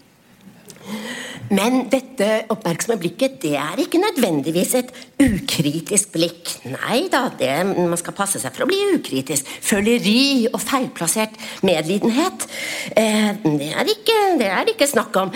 Det er et blikk som krever en form for avstand og upersonlighet. Et nøytralt, åpent og avventende blikk. Moi argumenterer for verdien av dette blikket, og for å søke å finne et språk som kan uttrykke hva dette blikket ser. For hun uttrykker en stor tiltro til språket. Og ønsker å få bukt med den utbredte skepsisen til språkets evne til å uttrykke noe virkelig. Hun siterer Anders Johansen, som sier om oppmerksomhetens språk at det er et alvorlig forsøk på å bringe ord i samsvar med virkeligheten. Og det er jo det vi holder på med. Det er jo det jeg gjør som romanforfatter, og med alle forbehold om at virkeligheten ikke oppleves likt for noen av oss. Det vet vi jo. Og allikevel holder vi på, skriver og snakker og meddeler oss, og håper på å bli forstått og tatt imot. Og det er jo alt sammen uttrykk for en tillit til språket.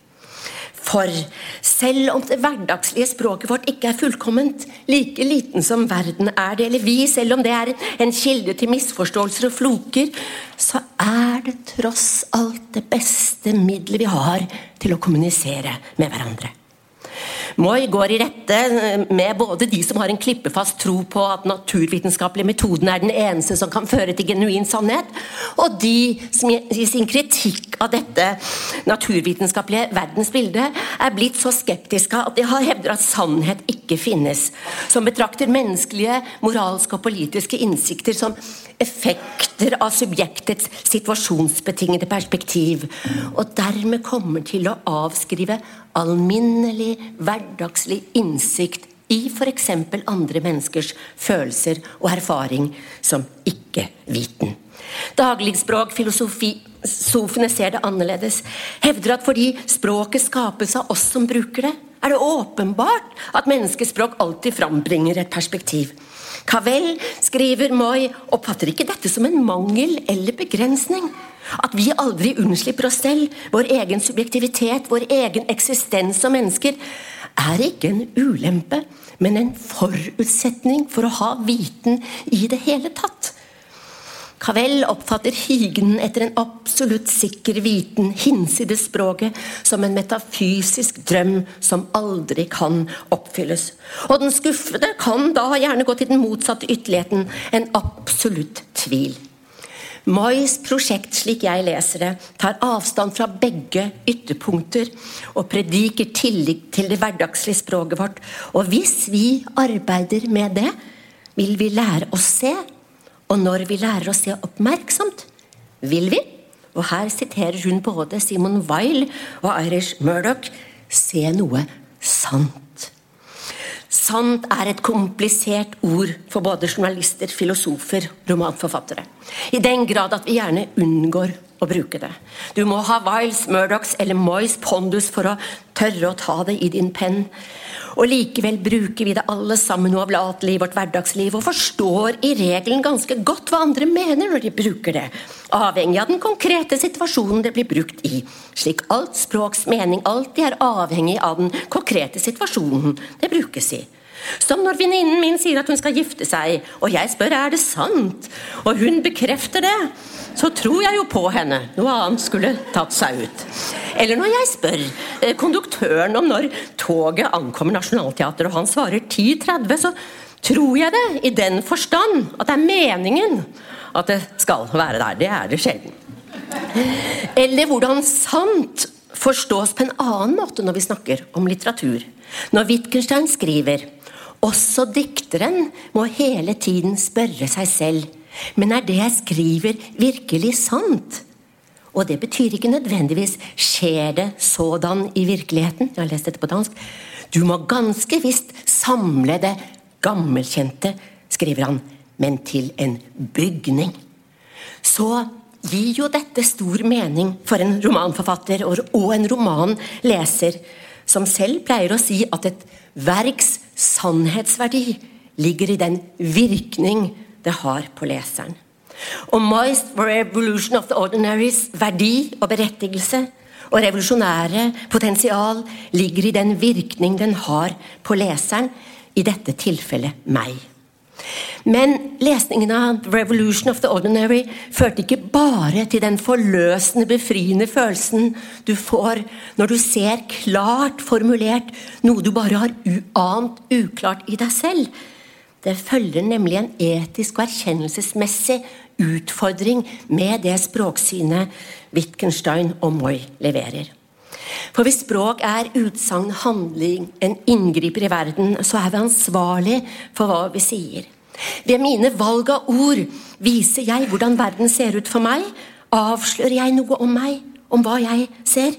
Ordene mine viser hvordan jeg vurderer andre, samtidig som de gir materiale for andre til å kunne vurdere meg.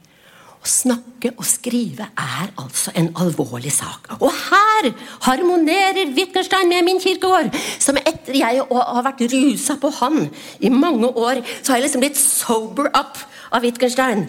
Og igjen kunne jeg lese ham, men nå med måtehold.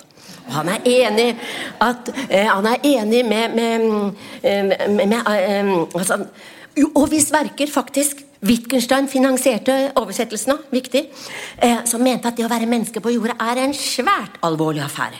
Så hva er det da med Finn og Klem og all din inderlighet og alt ditt ansvar? Noe Wittgenstein altså satte seg fore.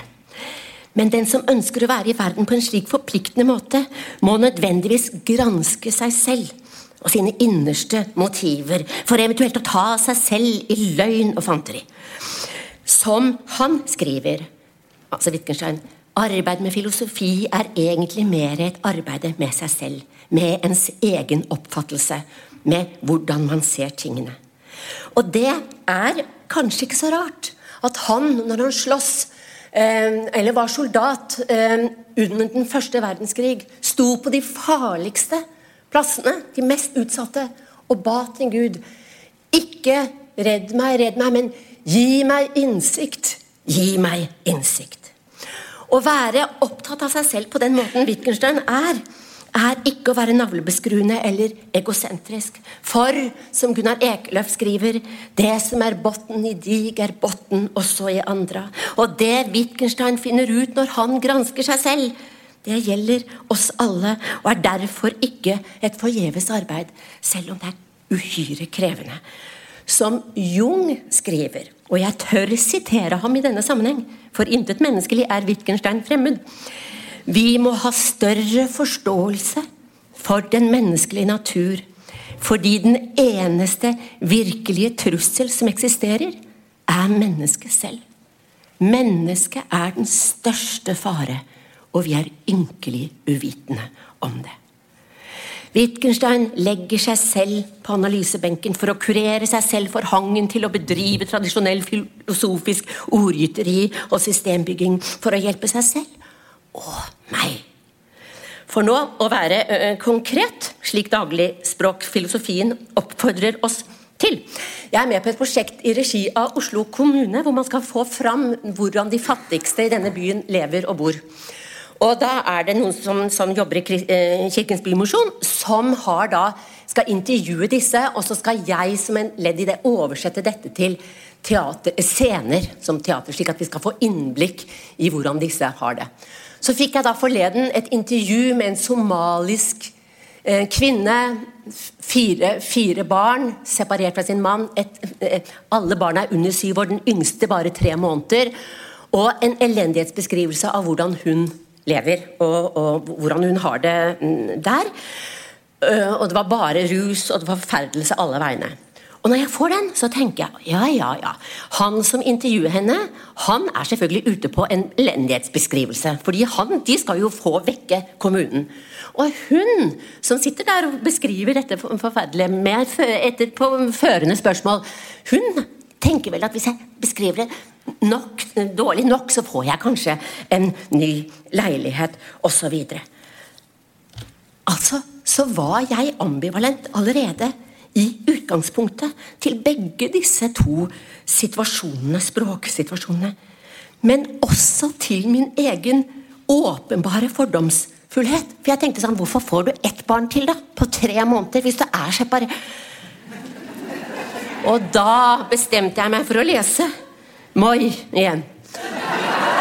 Og da leste jeg om de ulike livsformer som for, for, det Wittgenstein og Moi sier, er at vi ikke skal, vi skal se på andre praksiser, livsformer, med acknowledgement. betyr ikke anerkjennelse i den forstand, men den, den ved å klare å se, og ikke bare kritisere. Og så bestemte jeg meg, og det var en sånn rar fysisk opplevelse. Jeg tenkte jeg skal møte henne nøytral, avventende, åpen. Og det var akkurat som det, den bestemmelsen gjorde noe med meg. Og den ambivalensen slapp taket, og jeg renset meg liksom for forutinntatthet. Og ble fylt av tillit til at jeg nok skulle klare, med denne åpne holdningen, å meg opp, gjøre meg opp en mening om henne og hennes situasjon med mine nå veldig åpne porer. Å lære et språk er å lære en livsform, som Toril Moi allerede har sagt. Og det skulle jeg også erfarte, erfare for ikke så lenge siden at medførte riktighet. For den venninnen min som for ikke så lenge siden eh, sa hun skulle gifte seg. Hun begynte for like lenge siden å studere kinesisk. Men hun sluttet brått. Fordi hun hadde forstått, sa hun, at det å lære seg kinesisk ville innebære å lære seg en helt ny måte å tenke på. En helt ny måte å være i verden på. Og det turte hun ikke, for da måtte hun sikkert avlyse bryllupet.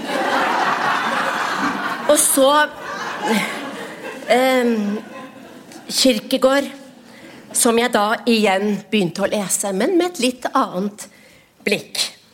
Han skriver et sted Tenk, eller Han skriver det i 'Sykdommen til døden'.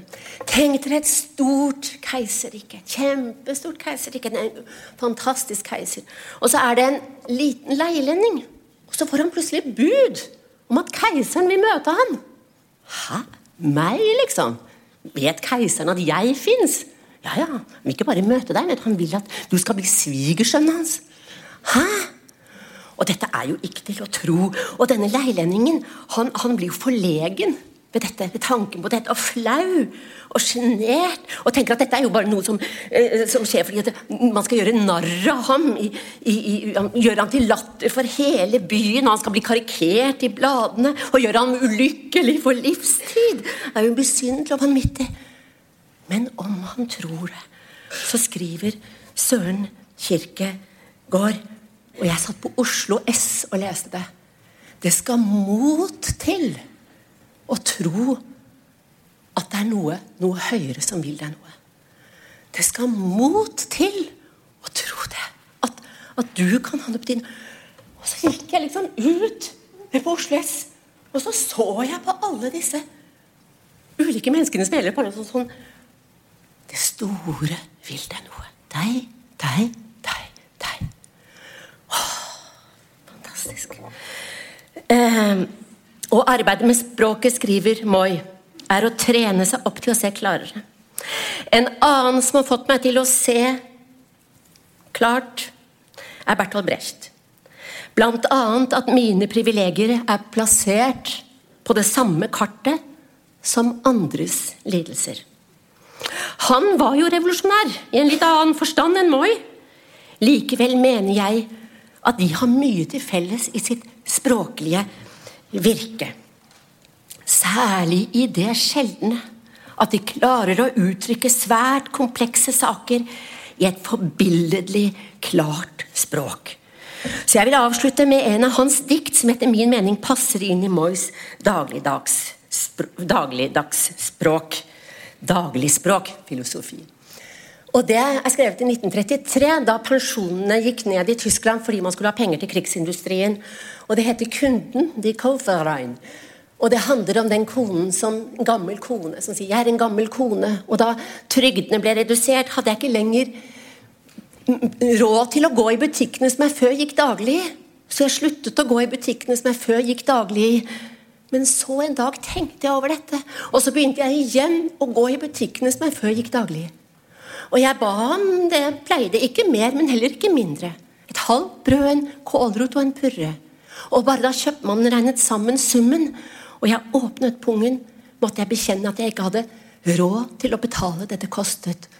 Og hoderystende gikk jeg ut av butikken, så står det 'Sett av alle kunder'. For hvis den som ikke kan betale, ikke viser seg der mat blir kjøpt, vil man tro at de ingenting trenger.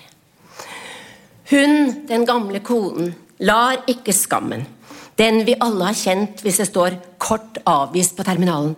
Lamme henne. Trosser de subtile skamdeimmekanismene i samfunnet vårt som får de minste blant oss til å gjøre seg usynlige. Det hun gjør, er etter min mening, og Wittgensteins, tror jeg, revolusjonært. For han har skrevet 'Den som vil være revolusjonær, kan revolusjonere seg selv'.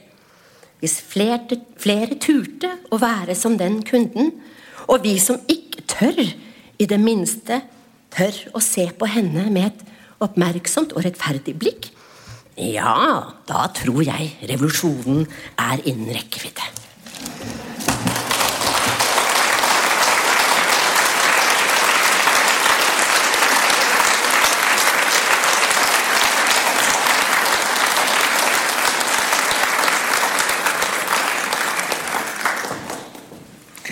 Tusen takk skal du ha, Vigdis. Vår neste taler er Anniken Greve. Greve er professor i litteraturvitenskap ved Universitetet i Tromsø. Hun har doktorgrad i både litteratur og filosofi. Og Wittgensteins filosofi er en av de mange temaene hun har forsket på. Hennes innlegg heter 'Fag søker filosof om Wittgenstein og litteraturvitenskapen'. Vær så god.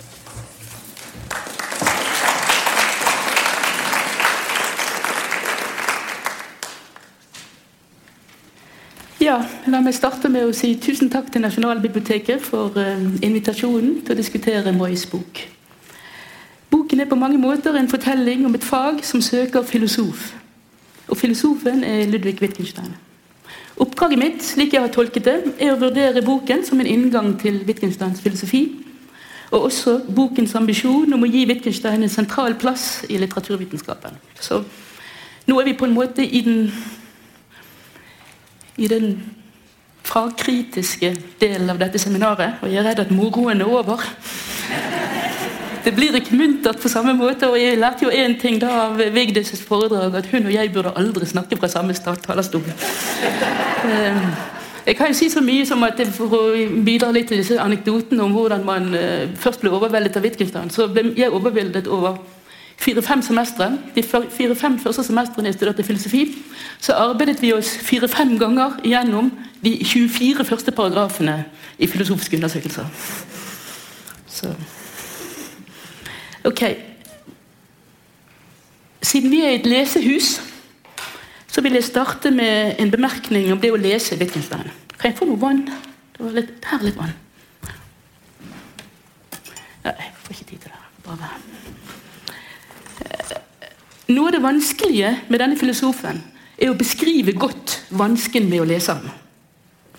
For vansken er nært knyttet til å oppfatte hvilke krav teksten stiller til vår deltakelse i den. Han sier noe om dette i filosofi og kultur. Han sier 'overlat til leseren det leseren kan gjøre selv'. Det på en måte kunne vært overskriften over mitt. Mois veiviser inn i Kavel, i Wittgenstein er Stanley Cavell. Han er en representant for det som kalles den terapeutiske lesemåten av filosofiske undersøkelser. Den terapeutiske lesemåten er kjennetegnet ved at den overlater svært mye til leseren selv. Men de kravene Wittgenstein stiller til oss som lesere, er imidlertid ikke eksplisitt uttrykt. De ligger i tekstens form, nærmere bestemt i hvordan teksten er organisert som kommunikativ handling. Og Her er mitt uforsvarlig korte forslag til hvordan vi kan forstå tekstens, denne teksten form. Og det er da gjort så uforsvarlig kort for å være tilpasset anledningen. Filosofiske undersøkelser er organisert som en tenkt dialog. Dialogen starter som en samtale Wittgenstein fører med en tilhenger av den såkalte navneteorien om språk, som eh, Toril Moi skriver mye om i sin bok. Teorien målbæres av Augustin, kirkefaderen, idet han forteller hvordan han selv lærte språket som ble snakket i omgivelsene som barn. Han skjønte hvilke ord som var navn på hvilke ting. Det er den superkorte versjonen av navneteorien. Denne navneteorien utsettes for utspørring og kritikk i filosofiske undersøkelser. Og Dermed tror vi kanskje vi har fått tak i Wittgensteins spørsmål. Spørsmålet er hva er galt med navneteorien? Tror vi kanskje. Men ettersom dialogen skrider frem, blir det klart for leseren at spørsmålet ikke bare er hva som er galt med navneteorien, men hvorfor den har så dypt feste i sine tilhengere.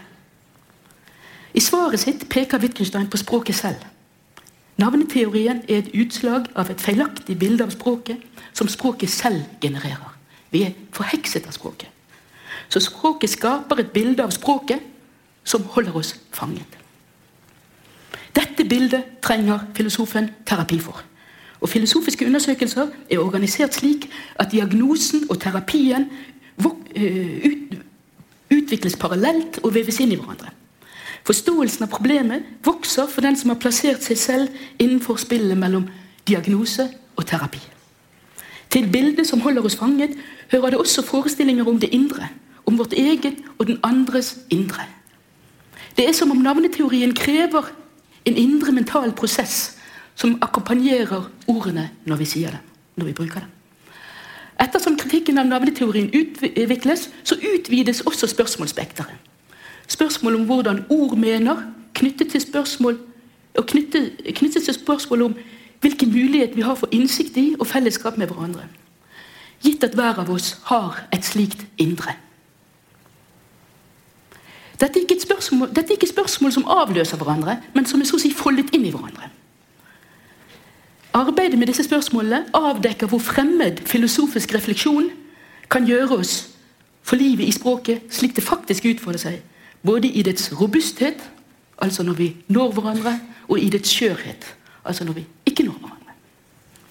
For det er da problemet oppstår. Det er når vi reflekterer filosofisk.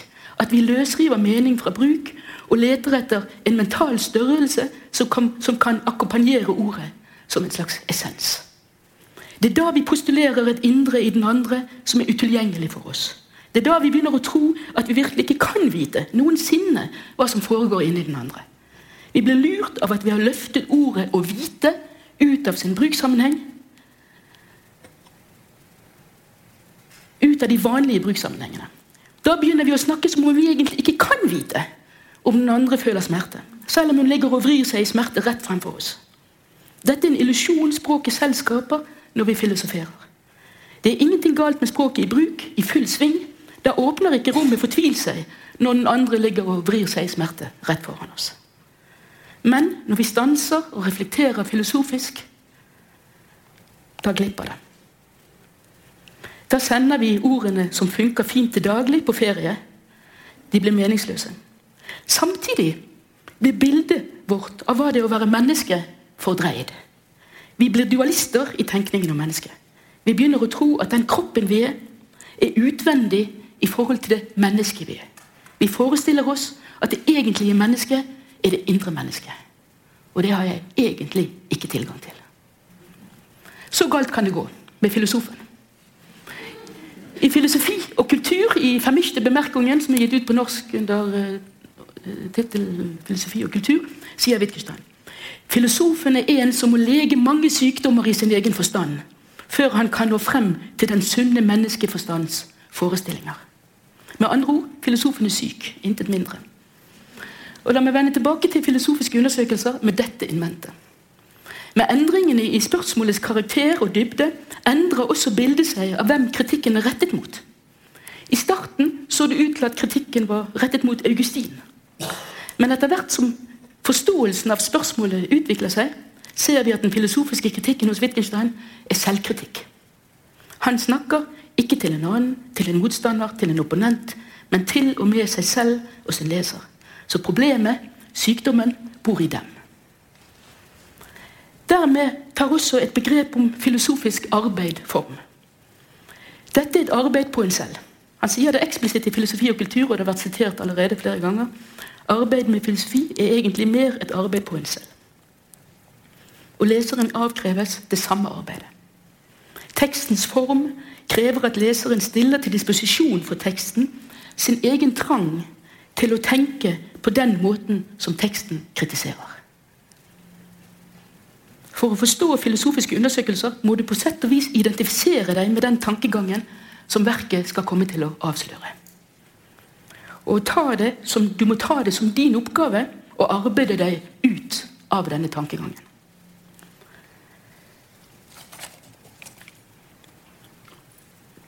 Det var den lille forelesningen om Wittgenstein.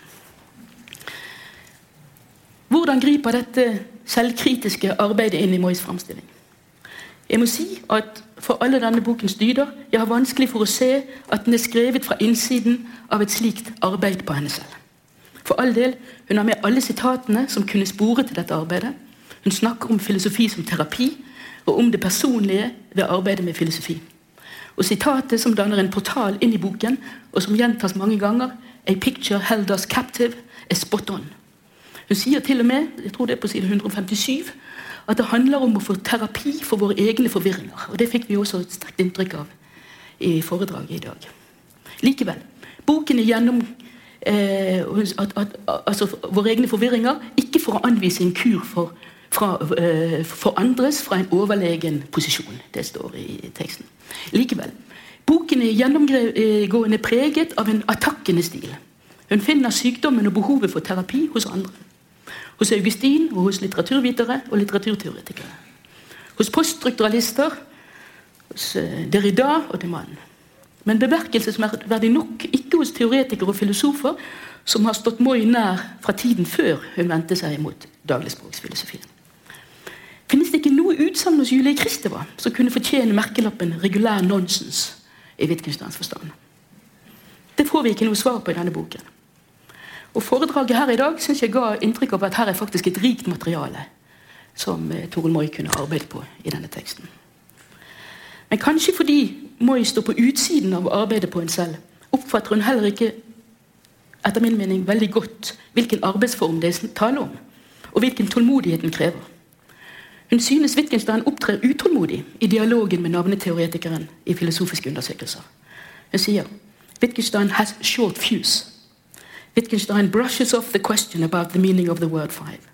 For all his brusqueness, well, Wittgenstein has no patience with this theory. Denne utålmodigheten har jeg vanskelig for å oppfatte hos Wittgenstein.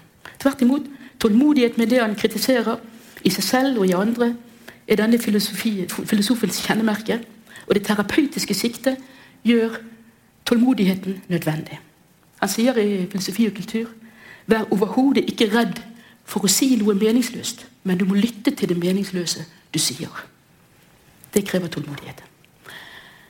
I en tekst som han dikterte til Moritz Schlick, jeg tror det var i 1932, men jeg kunne ikke finne det når jeg skulle ned her, der, der utviser han den største tålmodighet overfor noen utsagn fra Heidegger, som han regner som fullstendig meningsløse. Og han arbeider langsomt og møysommelig for å få grep om hva Heidegger prøvde å si, med henblikket på å få frem hva han mislyktes i å si. Sammen med tålmodigheten hører også god tid. Og det å ha god tid er et helt vesentlig trekk ved filosofisk arbeid for Wittgenstein. Han sier slik burde filosofer hilse hverandre. Ta den tid du trenger. Og Et annet sted så sier han i filosofiens løpekonkurranse vinner den som kan springe langsomst. eller den som når sist til mål. Så Der var vi på et rett spor når vi brukte fire-fem semestre på å arbeide oss fire-fem ganger gjennom de 24 første paragrafene. antageligvis. Det Langsommere kunne vi ikke gjøre det.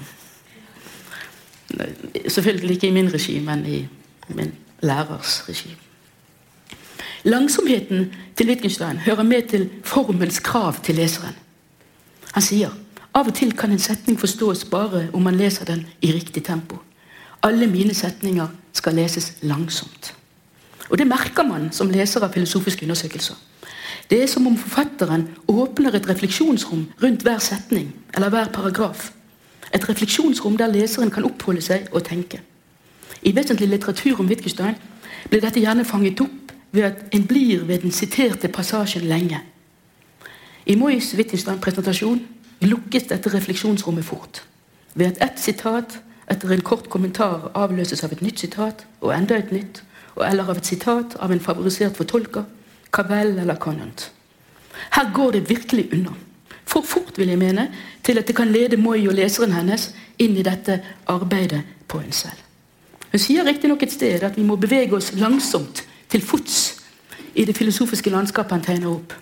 Men hun sier også at han tar oss med på en dazzling tour i dette ukjente filosofiske landskapet. Denne siste betegnelsen, dazzling tour, syns jeg passer dårlig på Wittgenstein og hans tekst. Den passer bedre på Moys tekst. Med henne som reiseleder er tur, turen gjennom Wittgensteins filosofiske landskap ofte dazzling. Cavell er som sagt Moys veiviser inn i Wittgenstein. Moy er forbilledlig åpen om dette avhengighetsforholdet til Cavell. Og en som kjenner Cavells forfatterskap, merker det hele tiden. I spørsmål og begreper som får en sentral plass, i utvalget av sitater fra filosofiske undersøkelser, og ikke minst i Moys egne formuleringer. Cavell klinger med i svært mye av det hun sier om Wittgenstein. Cavell er en talsperson for den terapeutiske lesemåten av Wittgenstein. Så hvordan kan Moi da befinne seg på såpass avstand av det selvkritiske filosofiske arbeidet denne lesemåten inviterer til? og innebærer.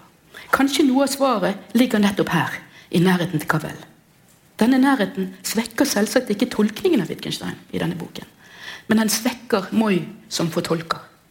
Fremstillingen hennes virker nesten beskyttet av Cavell. Overfor filosofiske undersøkelser er det en fordel å stille uten slik beskyttelse. Iallfall hvis en vil ta del i det arbeidet på en selv som forfatteren inviterer til. Det er vanskelig å komme inn i dette arbeidet når en i sentrale teksttrekk resumerer og siterer og halvsiterer andres tanker og eksempler. På den andre siden kan en spørre er det så farlig om Moi ikke deltar i det selvkritiske terapeutiske prosjektet som Wittgenstein inviterer til. Kanskje verken hun eller den gjengste litteraturviteren trenger terapien. Det er i hvert fall en mulighet. Vi er ikke dypt nok involvert i filosofisk arbeid. Vi er for friske, rett og slett. For er virkelig fagets hang til teori et uttrykk for filosofisk sykdom i Wittgensteins forstand? Var f.eks. syr preget av slik sykdom da han utviklet sin lingvistikk? Eller Roman Jacobsson, da han integrerte denne lingvistikken i den tidlige strukturalistiske litteraturvitenskapen? Sånn kan vi spørre oss gjennom den nyere teorihistorien. Og jeg tror faktisk vi bør gjøre det. Var disse menneskene filosofisk syke? Hadde de samme type problemer som Wittgenstein hadde da han arbeidet med Traktatus? Enda mer prekært ble spørsmålet hvis vi fokuserer på den gjengse litteraturviteren som tar opp i seg teori andre har utformet. Var 80-tallets litteraturvitere som vendte seg mot mannen og Derrida, filosofisk plaget? Jeg må si jeg fikk et helt annet inntrykk. Folk virket ikke plaget i det hele tatt. Tvert imot virket de meget fornøyde over å bli tilbudt en teori som satte dem i stand til å gjennomskue Platon før de selv hadde lest et ord Platon. En teori som deretter kunne overstyre lesingen av Platon. Og Sånn kunne vi fortsette å spørre, oss gjennom ulike teoretiske og filosofiske motebølger i faget. Jeg vet ikke hva svaret ville bli, men jeg tror vi trenger å akte på de ulike nivåene av engasjement i filosofiske problemer når vi skal vurdere teorikulturen, også i litteraturvitenskap. For det er forskjell på å arbeide seriøst med filosofi og puste inn teoretisk tankegods som ligger i luften.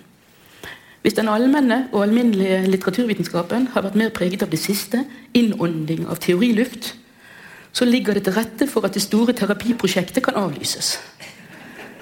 Så fagets søk etter filosof har ført oss til en som tilbyr en terapi vi ikke er filosofisk syke nok til å trenge. I hvert fall syns jeg dette er verdt å tenke gjennom. Også om Wittgensteins terapi er noe vi kvalifiserer for i kraft av alvoret i vårt filosofiske arbeid. Hvis dette synspunktet har noe for seg, betyr det at litteraturvitere ikke har noe å lære av Wittgenstein. Nei, vi kan likevel lære mye av han. Han kan gi oss betydningsfulle påminninger for bestemte formål, som han kaller det. Dette er det praksiologiske nivået i Wittgenstein. Da er ikke vi langt inne i den filosofiske terapien, men nærmere et kritisk blikk på vår egen faglige praksis. Kanskje særlig kan vi la oss inspirere av Wittgenstein til å tenke mer differensiert om fagets behov. Tar vi alvorlig oppfordringen om å rette oppmerksomheten mot det enkelte tilfellet, kan vi gruble mindre på hva faget trenger, og heller spørre oss hva den enkelte forskningshandlingen trenger. Ulike forskningshandlinger krever ulike begrunnelser og fremgangsmåter. Moi er opptatt av teksttolkning. Hvordan skal vi gå frem når vi vil se oss selv som snakket til av akkurat denne litterære teksten på den rikest mulige måten? Dette tror jeg alle som står overfor en komplisert og rik tekst, enten det er et haiku-dikt eller en Kafka-tekst, føler seg usikker på. Hvordan griper vi det an? Vi kan møte utsikten, usikkerheten ved å utvikle en fallgruvebevisst fremgangsmåte som gjør oss mindre tilbøyelige til å overse viktige sider ved teksten, og mindre tilbøyelige til å projisere våre egne anliggender over på den. Arbeider vi Eh, arbeider vi uten fallgruvebevissthet, er faren stor for at den litterære teksten blir talerør for hva vi har å si, heller enn at teksten får komme til orde overfor oss. Så vi skal ikke møte teksten med mistenksomhet, der er jeg helt enig med Moi, men med ydmykhet. Og Spørsmålet er hvordan vi organiserer lesingen, slik at den ydmykheten får et praktisk uttrykk. Begrepet fallgruvebevissthet slik jeg nettopp brukte det, står i gjeld til Wittgenstein, og faktisk til Cavells tolkning av Wittgenstein. Så her er jeg på Mois hjemmegrunn. Han sier at Wittgenstein har funnet opp en form for kritikk som ikke lar kritikeren innbille seg at hun er fri for de feilene hun finner rundt seg. Han sier videre at originaliteten til Wittgenstein ligger i at han har funnet en måte å forhindre at denne kritiske og selvkritiske impulsen så lett svikter oss. Og det har han fått til ved å gjøre, ved å gjøre impulsen metodisk. Og han bruker ordet 'methodical'. Med mindre vi gjør denne selvkritiske impulsen metodisk, er det stor fare for at vi faller i grøfter vi egentlig ønsker å styre klar av. Fallgruvebevissthet kan dermed betraktes som systematisk selvkritikk. I lys av dette så har jeg lyst til å trekke tilbake den, det forsøket mitt på å bagatellisere at Moi ikke praktiserer den selvkritiske innstillingen som er nedfelt i den terapeutiske lesemåten. Poenget mitt var at både hun og vi alminnelige litteraturvitere neppe er hardt nok rammet av filosofisk sykdom til å trenge terapien. Men dette resonnementet holder ikke. For også mindre dramatiske, mer praktiske måter å lære av Wittgenstein på forutsetter det selvkritiske blikket han øver oss opp i. Denne dimensjonen ved filosofisk arbeid er virkelig veldig sentralt hos ham, enten vi leser ham terapeutisk eller ikke. Filosofi er et arbeid på en selv. Dette bringer meg tilbake til inngangsspørsmålet mitt. Hva krever det oss å lese Wittgenstein? Han sier, som jeg nevnte, overlat til leseren det leseren kan gjøre selv. Mye av det Wittgenstein overlater til leseren, overlater Moi til Cavell. Det er denne bokens filosofiske akilleshæl, etter min mening. Moi selv tar på seg rollen som veiviser inn i Wittgenstein for litteraturviteren. Kanskje, vi, kanskje viser boken at vi er best tjent med å arbeide uten en slik veiviser. Wittgensteins tekster finnes jo. De kan leses. Litteraturvitere kan lese. Lettere bør vi ikke gjøre det. Da blir vi selv direkte konfrontert med de kravene filosofiske undersøkelser stiller til sin leser. Lærer vi å praktisere de selvkritiske arbeidsmåtene Wittgenstein kan inspirere til, kan vi kanskje også vende dem mot måten vi prøver å hente inn filosofer og filosofi i faget. Og ikke bare måten vi gjør det på, men også at vi gjør det. For er det virkelig en filosof, en ny filosof vi trenger nå? Hvor godt forstår vi våre egne behov når vi tror at det er en filosof som er svaret, om man aldri så mye tilbyr oss terapi heller enn teori, og heter Wittgenstein. Blant annet slike spørsmål kan boken til Moi få oss til å tenke på. Takk.